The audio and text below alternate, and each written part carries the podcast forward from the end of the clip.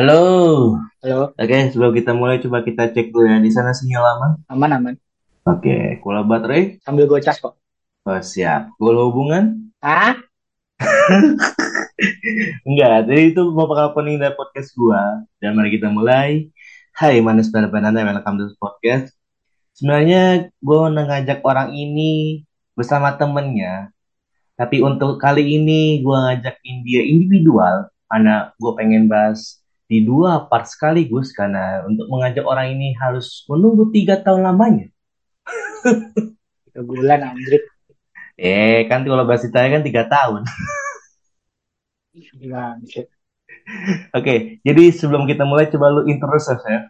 Karena yang di lu nama lu siapa? Usia lu berapa dan sekarang kesibukan lagi ngapain sih? Nama gua Fajar. Gua 24 tahun. Sekarang gue sibuk ngantor aja sama ya olahraga-olahraga nggak jelas lah. Yang penting sehat. Oke, jadi ini sudah meminta persetujuan juga dari dia bahwa gua mengajak lu di Enak Story volume ketiga. Jadi ya seperti dari gue bilang dari awal, gue udah ngajakin orang ini susah banget. Gue pengen tahu nih, setidaknya untuk apa ya, untuk background lu. Lu beneran anak tunggal ya, Jar? Gue anak tunggal dan satu-satunya. Eh enggak, gue anak satu-satunya karena gue gue pernah punya adik tapi udah itu ya gitulah. Oh, oke oke siap. Jadi eh gue di part pertama ini sebenarnya sih kalau untuk apa ya sindrom anak tunggal gue cari di beberapa website, beberapa artikel. eh untuk sindrom ini sih gak terlalu banget kasus, tapi emang gue pengen ngumpulin aja. Jadi setidaknya kan gue untuk mengenai siblings, gue udah ngajakin anak tunggal, anak tengah, middle child syndrome, sama anak lahir. Nah, kenapa nggak menggenapkan series yang mengenai sibling ini dengan ya ngajakin lu untuk mengajak yang bagian topik mengenai anak tunggal gitu loh. Jadi saya gue cari di artikel, gue ketemu di artikel yang bernama Is Only Child Syndrome Real? Itu di Medical News Today. Artikel ini tahun 2022. Ya, ini gue pakai bahasa Indonesia aja ya bahwa kalau untuk Ya, teori sindrom anak tunggal ini menunjukkan bahwa seorang anak tanpa saudara kandung mungkin lebih cenderung kurang keterampilan sosial dan menjadi manja, kesepian, dan egois. Lo begitu nggak? gue egois ya. Gue selalu mengakui kalau diri gue tuh orang paling egois yang akan orang-orang kenal. Karena apa yang gue harus dapat, gimana pun caranya. Hmm. Gue emang rada orang yang ambisi, bukan ambisius sih itu hitungannya. Apa ya? Ego sih, egois, egois banget gue. Mm-mm.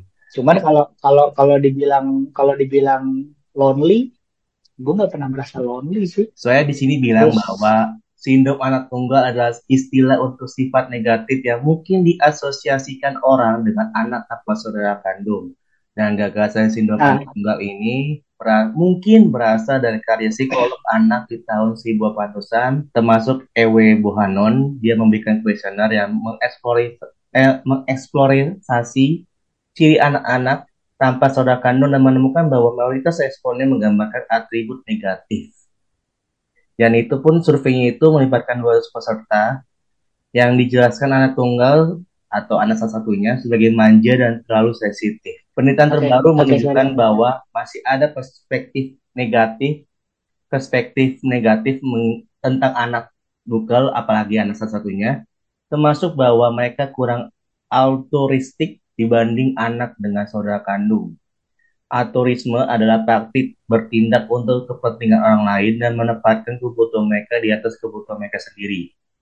Meskipun stereotip sindrom anak tunggal mungkin lazim, bukti menunjukkan bahwa stereotip tersebut tidak akurat. Nah, itu. Setidaknya kalau untuk mengenai sindrom yang pada kali ini, itu kalau untuk di kalangan psikolog, itu nggak terlalu banget-banget banget dibandingin dengan yang sibling yang lainnya. Jadi kayak gue ngajakin si Tamara, Tamara kan gue pengen, gue juga kemarin bahas tentang middle syndrome, apa yang dirasakan oleh anak tengah, terus teman gue lainnya, teman gue pas kuliah, itu mengenai Hmm, anak lahir sama anak pertama dan keresahan mereka masing-masing. Dan itu pun sudah ada teorinya masing-masing gitu loh. Nah untuk teori yang anak tunggal ataupun anak salah satunya gitu, ya untuk mengenai sindrom ini tidak ada teori khususnya dan Iya. ya nggak terlalu Exact, exact banget teorinya nggak ada ya. Iya gitu. Uh, Lo tau nggak? Lo tau nggak? Menurut gue ini ya, sekali gue bukan psikiater, tapi lo tau nggak kenapa nggak ada exact dari riset itu? Karena kalau lo punya saudara, apa pun yang terjadi, mungkin ketika orang tua lo atau keluarga besar lo ada sesuatu yang terjadi, ikatan itu nggak pernah putus. Cuman kalau gue sebagai anak tunggal, hmm. ketika orang tua gue mengalami sesuatu, ya gue akan kehilangan itu sama sekali. Jadi kayak perubahan sifat gue itu sangat-sangat bisa fluktuatif. Perubahan sikap anak tunggal itu sangat-sangat fluktuatif bergantung pada lingkungan besarnya. Sementara ketika lu punya saudara, lu punya adik misalnya, kecuali adik lu meninggal atau mati, ya sampai mati pun lu akan punya tanggung jawab sebagai kakak. Gak yeah. secara nggak langsung. Yeah, lu dilatih dari kecil, mau orang tua lu cerai, mau orang tua lu gimana, gimana, gimana, lu dilatih dari kecil adalah sebagai kakak yang mengayomi ini gue ambil perumpamaan sebagai sebagai kalau punya kakak aja ya. Hmm. Tapi ketika ketika gue atau anak-anak tunggal lain tiba-tiba jatuh di ada ada keluarga yang sakinah mawadah warohmah ini punya anak tunggal. Mungkin anak tunggal itu kan jadi anak yang penuh rasa cinta gini gini gini gini gini dan sebagainya. Kalau ya keluarga satu ini ibunya nggak ada dia jadi figur seperti apa atau bapaknya nggak ada dia jadi figur seperti apa. Jadi untuk anak tunggal itu untuk terpengaruh perubahan di bahkan lingkup kecil keluarganya aja itu udah cukup besar. Jadi gue gue ngerti banget kenapa nggak ada Isaac teori yang kan kalau oh, semua anak tunggal tuh kayak gini nih, rata-rata anak tunggal tuh kayak gini nih. Karena emang beda. Lo anak tunggal dari keluarga kaya, ya kasih sayang dan kekayaan keluarga lo buat lo. Lo anak tunggal dari keluarga yang gak punya apa-apa, ya lo salah satu orang yang akan jadi pilar penopang mereka.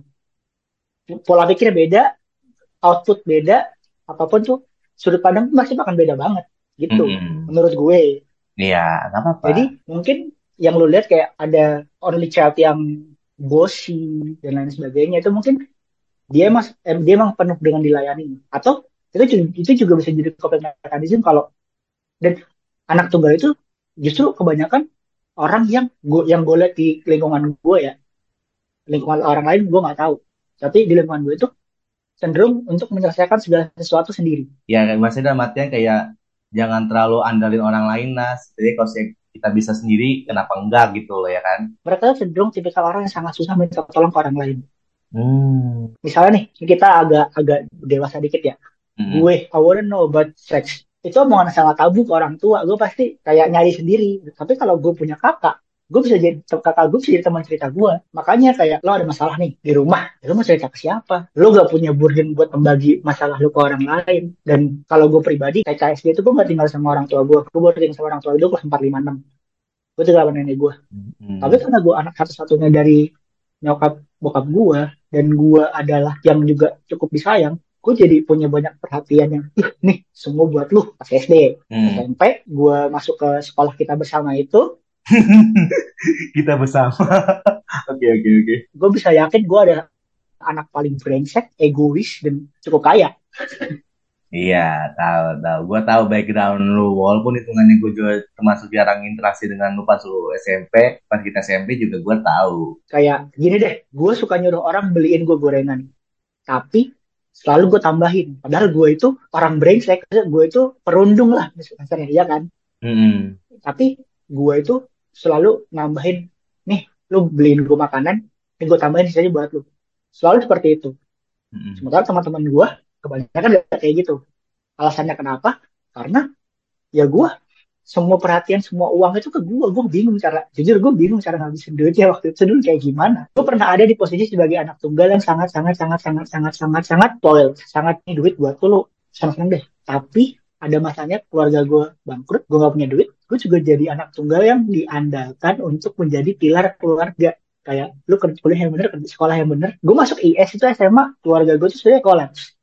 Tapi gue sekolah di sekolah terbaik kayak di salah satu kelas yang internasional gitu loh. Which is which is baik yang kita berdua tau lah bayarnya nggak cuma pakai rupiah aja. Ada pembayaran. Hmm for dollarsnya. Gue di spoil se, se, spoil itu cuman ada masa ketika gue kolaps gue nyari kayak gue dulu tuh gue dulu itu sesuper ini loh. Tiba-tiba gue nggak punya power. Gue cuma jadi berandalan tengil yang orang brengsek biasa pada umumnya aja bukan orang brengsek yang punya duit. Ada maksudnya kayak gitu. Dan orang tua gue men- menuntut gue untuk keluarga kita tuh lagi kayak gini dan kamu tuh cuma kamu tuh anak anak cowok satu-satunya. Dan anak cowok satu-satunya lagi. Tolong ya jangan aneh-aneh. Dilarang ini dilarang itu dilarang ini dilarang itu dilarang itu dilarang itu. Sebagai orang yang dimanja dari kecil kan gue merasa kayak anak fuck everything fuck rules. Gitu kan. Jadi gue liar kan. Jadi gue gue mengalami only child syndrome gue itu gue dari orang yang sangat bossy sport dan lain sebagainya tiba-tiba gue disuruh untuk bertanggung jawab dan juga jadi pilar satu-satunya di di rumah gue dan itu merubah persepsi sudut pandang otak gue 180 derajat. Gue berubah melihat orang gue berubah. Gue jadi mulai empati gue tetap kecil sih gue akuin. Tapi gue menjadi punya empati gue bisa merubah egoisme gue menjadi sedikit jadi ambisi. Jadi kayak gue bisa mengalah buat orang lain tapi gue tetap punya target yang harus gue kejar gitu. Tapi gue tetap punya perasaan kayak ah iya ya jadi lu tuh kasihan ya. Oke lah gue akan melawan sedikit. Ada ada kayak switching yang sangat-sangat luar biasa. Dan dan itu membuat karakter gue jadi jadi lumayan berkembang sih sekarang. Maksudnya gue pergaulan gue gue bergaul sama semua orang. Gue punya teman banyak teman baik gue gue masih bergaul berteman baik dengan perdana. Teman gue dari kecil gue juga punya teman dekat lagi kampus gue yang sekarang sekarang gue berteman dengan satu kantor sama dia gue punya teman-teman gue dekat sama teman gue yang ini gue dekat sama teman gue yang ini. Gue punya banyak komunitas-komunitas ada komunitas ada teman-teman gue ketika gue mau nge-gym ada teman-teman gue ketika gue mau ini ini ini ini. Jadi switching only child yang harus gue harus gue lonely selfish gitu itu kan jadi berubah jadi kayak oh mencari koneksi aja yang banyak. Mm-mm, Eh, betul. ka- kalau kata nyokap gue lu tuh cuma sendiri cari temen aja yang banyak. Tapi lu pilih-pilih untuk mengundang orang masuk ke itu lu lingkaran lu. Iya, itu circle yang gue lo. lakukan sekarang. Mm-mm. jadi kayak gue berteman sama semua orang gue masuk sama semua obrolan. Gue gue jadi Kristen yang baik. Bisa. I'm a good Christian gue apalah ayat Alkitab. Good any religion also gue mengerti beberapa agama yang gue nyambung kalau ngobrol. Jadi olahraga juga oke gue I'm playing basketball gue nge-gym sekarang gue lagi monoponi ya remeh-temeh lah tapi gue belajar bela diri. Kerjaan gue juga oke gue bisa lobbying ke beberapa orang belajar juga diajarin. Jadi kayak di teori ini tuh kalau kita turunin lagi punya banyak ini loh banyak anak tergantung dari lingkungan lu tinggal tergantung dari keadaan keluarga lu tergantung dari ini lu tergantung dari lu lu hidup seperti apa gitu. jadi early child syndrome itu emang emang buat gue gak punya basis yang sangat-sangat easy jadi semua tergantung lu harus tahu nih anak ini nih anak tunggal tapi backgroundnya seperti apa gitu Hmm, iya, betul. Mm-mm. anak tunggal pakai narkoba aja backgroundnya bisa dari lu dikasih duit kebanyakan jadi lu buang-buang duit sampai ke narkoba atau lu stres di rumah. Depresi sampai lu pakai narkoba. That's two different things kan Iya. itu itu buat buat gue makanya kalau gue sekali lagi ini bukan omongan karena gue pernah belajar psikologi apa apa ya. Gue gue menggunakan logika sederhana gue aja untuk dan pengalaman yang gue alami aja sih sebenarnya. Hmm, I know it, I know it. Ya makanya kan gue juga, ya seperti tadi dari awal juga gue bilang kan bahwa gue juga dari SMP pun jarang interaksi dengan lu. Ya kalau saya kalian pengen tahu bagaimana background gue di SMP bisa dengar juga kolaborasi gue sama temennya dia sama Fajar ini di Penabintasi volume kedua. Nah, ada hari tiga yang lalu ya kasih taping ini. Tapi kok bisa bisa dibilang untuk switching yang tadi lu bilang dari segi perekonomian, dari segi sudut pandang lu itu bukan dari kasus lu kecelakaan main basket, justru dari yang lu masuk IS SMA ini ya, Jar ya? iya. Main Hmm, basket kecelakaan itu is, is another thing sudah kayak ya udah itu resiko dan orang tua tahu.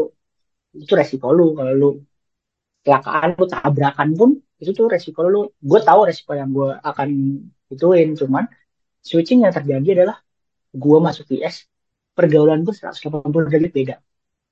Iya. beda banget. Anak IS tuh menurut gue some of sweetest person that I've ever known gitu. Mereka tuh anak-anak anak-anak yang manis baik hati penuh sukacita. Soalnya gue tuh orang yang sangat gelap kayak jahat gelap rusak. Waduh, saya kayak banget. gue gue tuh gue tuh beda banget dunianya tapi kayak ada satu momen juga gue gue gue memuncak karena di rumah di rumah juga. My economic collapse dan a lot of things happen yang that's my privacy sih. A lot of things happens yang bikin gue kayak ah fuck home I'm gonna go out rokok minum apa-apa tai kucing semuanya gue lakuin. Tapi anehnya anak-anak yes ini juga yang kayak masih kayak nyamperin gue main sama gue gitu. Kayak padahal gue gue menjauhkan diri dari mereka kayak lo itu terlalu pure baik menyenangkan. Menurut gue tuh brengsek habis tempat gue bukan sini. Gue ada di posisi di mana di otak gue bilang I don't belong here gitu loh. This is not my place gitu. Hmm, guru gurunya guru gurunya super nice super super ya ada mereka sangat helpful sangat sangat sangat sangat encouraging me spiritually and apa psychology. Kayak mereka kayak ya I know a lot of things happen but you have to gini gini gini pendekatannya juga nggak cuma legally things kayak kamu harus tahu kenal Yesus kamu ada juga yang mendekati kayak you know know yourself first bla bla bla bla. Lo tuh pinter biar lo tuh pasti punya banyak banyak way out yang bisa lo pikirin gini gini gini. Lo tuh gak bakal tiba-tiba jatuh dan lo jadi bodoh rusak dan lain sebagainya. Enggak lo tuh tetap otak lo ada ini ini, ini, jadi ya gue bersyukur sih gue ada ada penyesalan gue kenapa sekolah di situ. Tapi ada rasa syukur ketika oh mungkin that's how universe works to save to save me kali ya. Kalau gue nggak di situ mungkin gue akan jadi anak yang puncak kebrengsekan gue udah masuk penjara kali ya iya sih. karena gue tolol banget dulu waktu itu, dulu tuh tolol tolol tololnya gue Mm-mm. jadi kayak ya ada ada rasa syukurnya ah, ya gue mau, gue mau bilang sedikit tapi banyak gue mau bilang banyak juga tetap ada hal-hal yang gue juga bete kenapa gue di situ Iya. jadi makanya kalau kalau kalau kalau mungkin mungkin dulu tiga tahun lalu kita recall kalau teman kita itu bilang satu penyesalan gue dia masuk sekolah masuk lanjut sekolah di sana ya. Gue I, I could agree with that. Hmm. tapi kalau gue recall balik gue recall terus ke belakang gue nggak akan nyampe di titik ini kalau gue nggak di situ. Karena all bad things gonna happen hap- eh, bakal terjadi aja gitu loh. Kayak apa yang meni- apa yang menimpa gue itu akan ter- tetap terjadi di mana pun gue berada. Cuman ada rasa syukur ketika itu menimpa gue gue masih ada di lingkungan yang aman gitu loh. Gue masih ada di bantalan yang aman. Itu yang membuat itu yang bikin gue itu kayak banyak belajar. Oh gini. Oh ini. Oh ini ini ini ini, ini. jadi di otak gue tuh cukup banyak menerima hal-hal yang positif.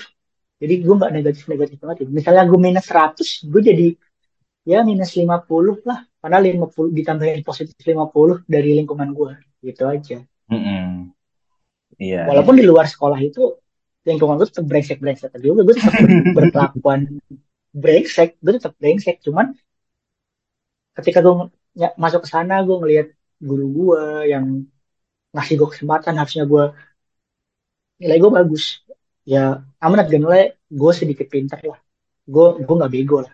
Cuman emang etika gue aja yang gue brengsek gitu. Nilai gue bagus tapi gue nggak naik kelas.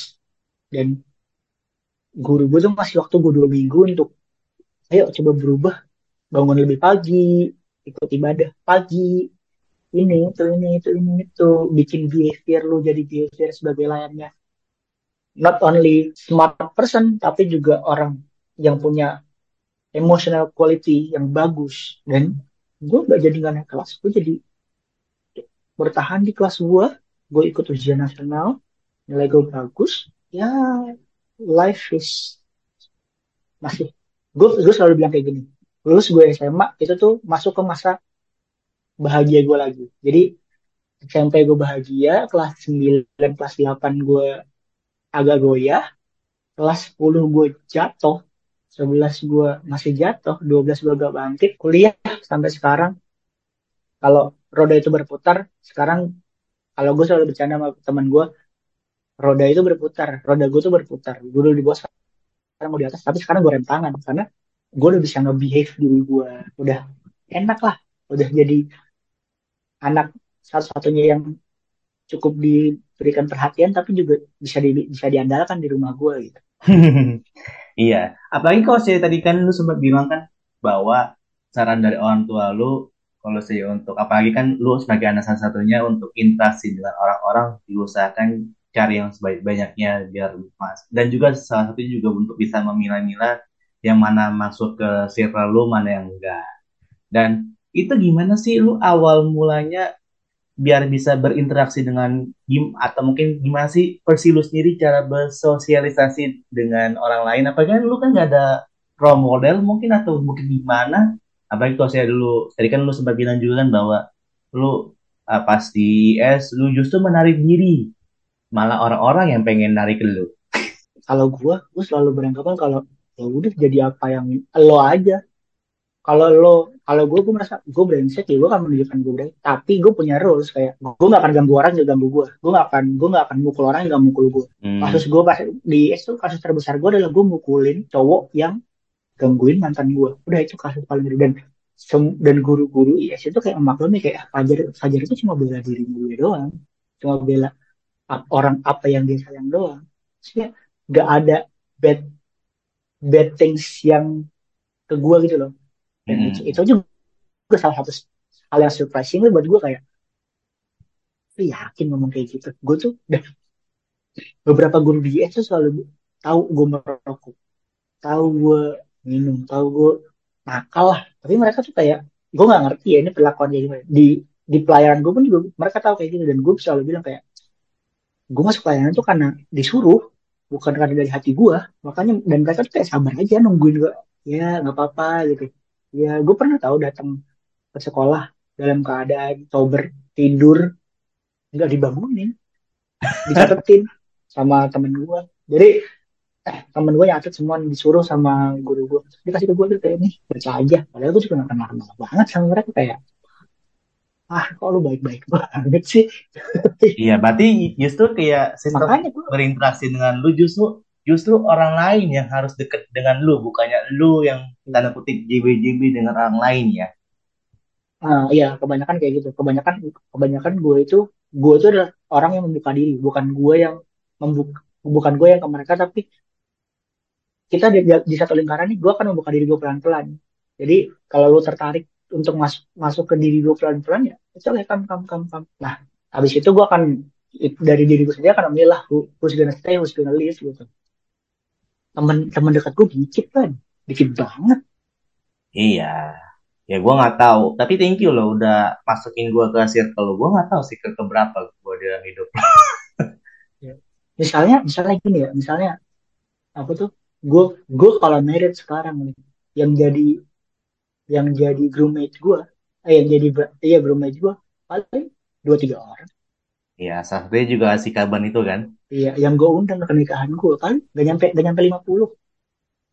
Hmm, kalau gue nggak termasuk pastilah ya. Ya untuk saat ini gue temenan sama lu, oke. Okay. Tapi untuk gue itu selalu menspesialkan orang yang terdekat banget di gue dulu. Hmm, itu selalu. I know it.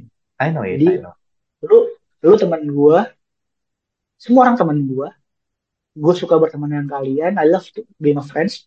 Kalau lu mau ngajakin gue minum ya ayo. Kalau minum kopi ayo. Tapi patokan gue teman adalah ketika gue bisa share apa yang terjadi di diri gue sekarang. Itu patokan gue gue coba datang kayak ah gue stres nih. Teman-teman gue gak akan nanya lu stres kenapa? Gini gini. Enggak oh oke. Okay. karena mereka tahu kalau gue akan cerita nanti gue cuma kayak ngedumel sendiri aja. Nah mereka tuh oke oke aja karena tahu ah ntar juga lu cerita ke gue gue paling orang ke berapa yang tahu cerita lu? Ngomong apa lu nggak mungkin cerita ke orang asing di luar sana. Iya. Dan kayak ya lingkungan gue ya itu itu aja gitu kayak gue nge-gym ya sama itu itu aja. Gue nongkrong ya sama itu itu aja. Kayak mungkin orang lihat kayak gue kok gak punya pertemanan gue gue punya dating apps aja. Cuma buat chat doang. Bisa kalau ah enggak deh gue main sama teman mereka aja deh. Karena yang dibutuhin kan teman main ya bukan teman bukan apa-apa ya kayak ah no, not really my things gitu jalan Iya, iya, iya. Setidaknya untuk teman buat berinteraksi, teman-teman buat ngobrol aja gitu lah ya. Setidaknya buat ya hidup ya ini biar nggak flat-flat aja di hidup lo ya. Oke, ini mungkin karena topik pada kali ini lebih mengarah ke sharing lu sendiri, pengalaman diri lu, bagaimana sensasinya menjadi anak tunggal, gimana interaksi lu, gimana masa Hmm. kelam lu. Oke, mun- untuk menutupi episode pada kali ini, lu coba kasih kesan. Ya, walaupun itu tadi lu kasih kesan juga lumayan panjang. Tapi apa yang lu rasakan menjadi anak tunggal di mana yang tadi lu sempat bilang struggle dalam perekonomian lu hingga lu switching ternyata lu ketampar sama realita bahwa ternyata begini loh gitu. Ternyata kalau saya gue butuh apa-apa justru gue lebih ke lonely, lebih ke kesepian. Gimana uh, kesan lu sebagai anak tunggal? Dan kalau misalnya lu menikah dan ternyata kehidupan lu sama kayak yang lu rasakan.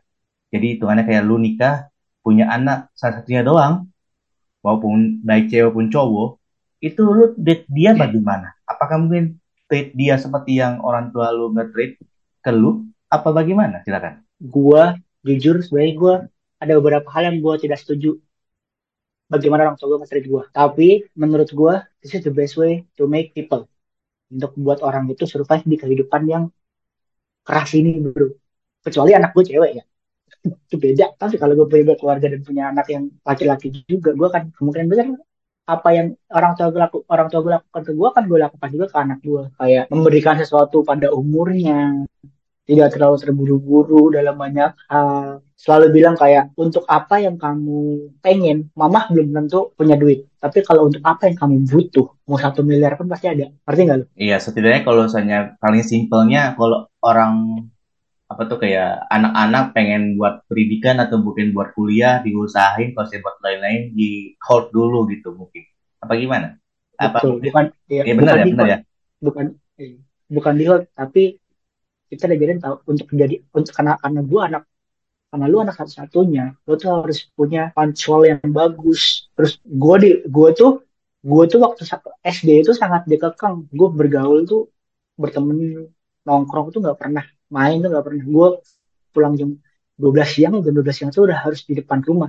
Cuman pas gue SMP nyokap gue tuh baru kayak udah kamu main sana. Jadi kayak gue diajarin untuk semua tuh ada waktunya semua itu ada masanya. Seperti di Alkitab bilang semua itu ada masanya. Semua itu pasti akan kamu alamin kayak lu mungkin sekarang bosi kamu mungkin kayak manja gini gini gini ya. Nikmatin aja kemanjaan kamu nanti pas kamu udah gede ketika ada masanya kamu harus bertanggung jawab kamu harus belajar bertanggung jawab dan capek berat. Ada masanya ketika apa yang kamu mau itu nggak kamu dapat itu sedih sedih banget. Nggak enak banget. Dan ada masanya ketika apa yang kamu lakukan itu berdampak gak cuma sama kamu cuman sama lingkungan kamu juga. Walaupun kamu gak punya saudara kamu masih punya orang tua. Jadi kalau kamu ngelakuin hal-hal yang gak bagus ya orang tua kamu juga kena. Walaupun kamu bilang I'm the only child gitu. Dan kalau kamu ini ini kasar aja ya kalau lo mati ya lo gak ada gantinya lagi makanya jangan goblok. Iya. simpel simpel itu makanya nyokap gue juga gak pernah ngajarin gue yang terlalu dimanja sih. Gue selalu punya kayak batasan-batasan yang baik lah. Gue pokoknya orang tua gue the best lah walaupun dulu gue kayak apaan sih lu? Ganggu anjing. Ya kayak ah ya tapi gue penasaran nih tahu. Semagi ya karena udah ketampar sama Reta juga termasuk juga. Btw kalau untuk interaksi lu dengan orang tua lu itu gimana sih? Apa mungkin ada jarak kah? Atau mungkin semakin tua oh semakin sekarang lah? semakin tua gue malah semakin deket. Karena orang tua gue tuh kayak nggak tahu dulu mah kayak oh kamu anak yang selalu kamu tuh anak kalau kamu salah kamu salah. Kalau kamu benar ya udah bagus. Ngerti ya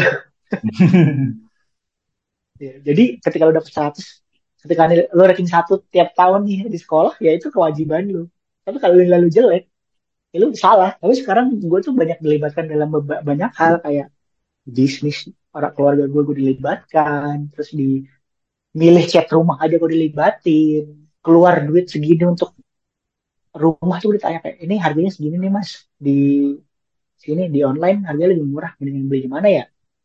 Itu gue dilibatin. Di pertanyaan-pertanyaan simpel mengenai tata kelola rumah gue dilibatin. Jadi kayak emang ada masanya. Waktu kecil tuh gue dimanja waktu gede gue di mold dibentuk waktu udah dewasa seperti ini tuh gue udah dilibatkan dalam mengambil keputusan di dunia nyata gitu loh.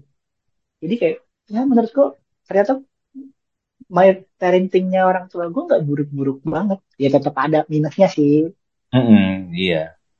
Tapi gue bersyukur ada di lingkungan orang tua yang seperti ini. Lah gila. Keluar dari mulut orang paling orang brengsek ini kayak gimana? Tapi gue bersyukur. Gue bersyukur kayak kayak gue di nyokap gue nyokap gue tuh punya punya ambisi yang kuat. Gue harus jadi ini ini tapi pas gue gede juga ternyata itu semua dibebaskan ke gue balik ke gue lagi. Jadi kayak dulu gue tuh marah. Gue sama nyokap gue kayak ah gue harus suruh ini itu ini itu. Tapi pas udah kuliah udah memilih kampus nih gue nih gue bisa milih kampus yang gue mau. Kayak loh kok nggak dilarang? Kok nggak dimaki-maki kok nggak dibilang? Justru ada salah satu orang di sekolah gue ini ngatain gue kayak kamu ngapain masuk kampus kayak gini? Nanti keluarnya jadi gini-gini doang gitu. Nyokap gue ngebelain gue kayak lo bapak bapak lihat nanti anaknya jadi apa? Ya gini-gini aja sebenarnya sih tapi at least gue gak merepotkan orang lain kan mm -hmm. maksudnya gue dengan kampus yang dikata-katain seperti itu sama gue dengan teman-teman gue yang mungkin kampusnya lebih bagus ya sekarang kita di satu lantai yang sama gitu loh. Gak ada bedanya. Hmm. buat gue itu buat gue itu achievement karena lu tuh ngerendahin gue di tanah. Ternyata gue ada di menara juga. Sama kayak orang yang gue bilang kayak mendingin masuk kampus ini ini. Berarti nothing special it that. Jadi kayak ya pilihan gue ternyata nggak seburuk itu? Dan nyokap gue tuh cara nyokap gue support gue untuk nunjukin kayak eh, kita tuh kita tuh emang nggak bisa ngejelasin ribuan kali udah buktiin aja. That's it jadi. Jadi ya. karena karena juga ada karena juga ada pepatah bilang lebih baik menutup telinga daripada menutup mulut seseorang. Oh kalau gue mah lebih baik menutup mulut seseorang tetap hebat telinga gue tapi untungnya dalam artian kayak uh, ah, gue nggak tahu ya ini kejadian di lu apa gimana? Orang tua lu sakit-sakitan lu antar-antar juga nggak? Berobat gitu nih oh, orang tua gak pernah sakit bro. Orang tua gue sehat bugar. Gue pernah sakit-sakitan cuman kayak kayak nyokap gue pasti kayak ya gue kan di Bandung ya. Nyokap gue nyokap gue tuh sehat banget pas gue sekolah. Nah pas pas ini pas gue kuliah tuh ada ya beberapa kali sakit lah tapi nyokap gue emang dasarnya punya jiwa yang sehat ya jadi kayak ya udah periksa bentar sembuh sebentar sembuh hmm. Iya iya iya ya. bagus kan kalau gitu. Nyokap gue sehat, yang and uh strong. Hmm, siap. Dan pinter. Nyokap gue nyokap gue tuh menurut gue one of the smartest person yang gue tahu. Saya bukan pinter dalam kayak Stephen Hawking atau Albert Einstein enggak, tapi they she know how to survive gitu loh. Kayak oh anak gue satu nih, dia orangnya freedom abis ya. Mencintai kebebasan kayak oke okay, gue akan membebaskan dia tapi gue tetap ngarahin dia kayak oh lu ke kanan dikit gitu lu ke kiri dikit gitu gitu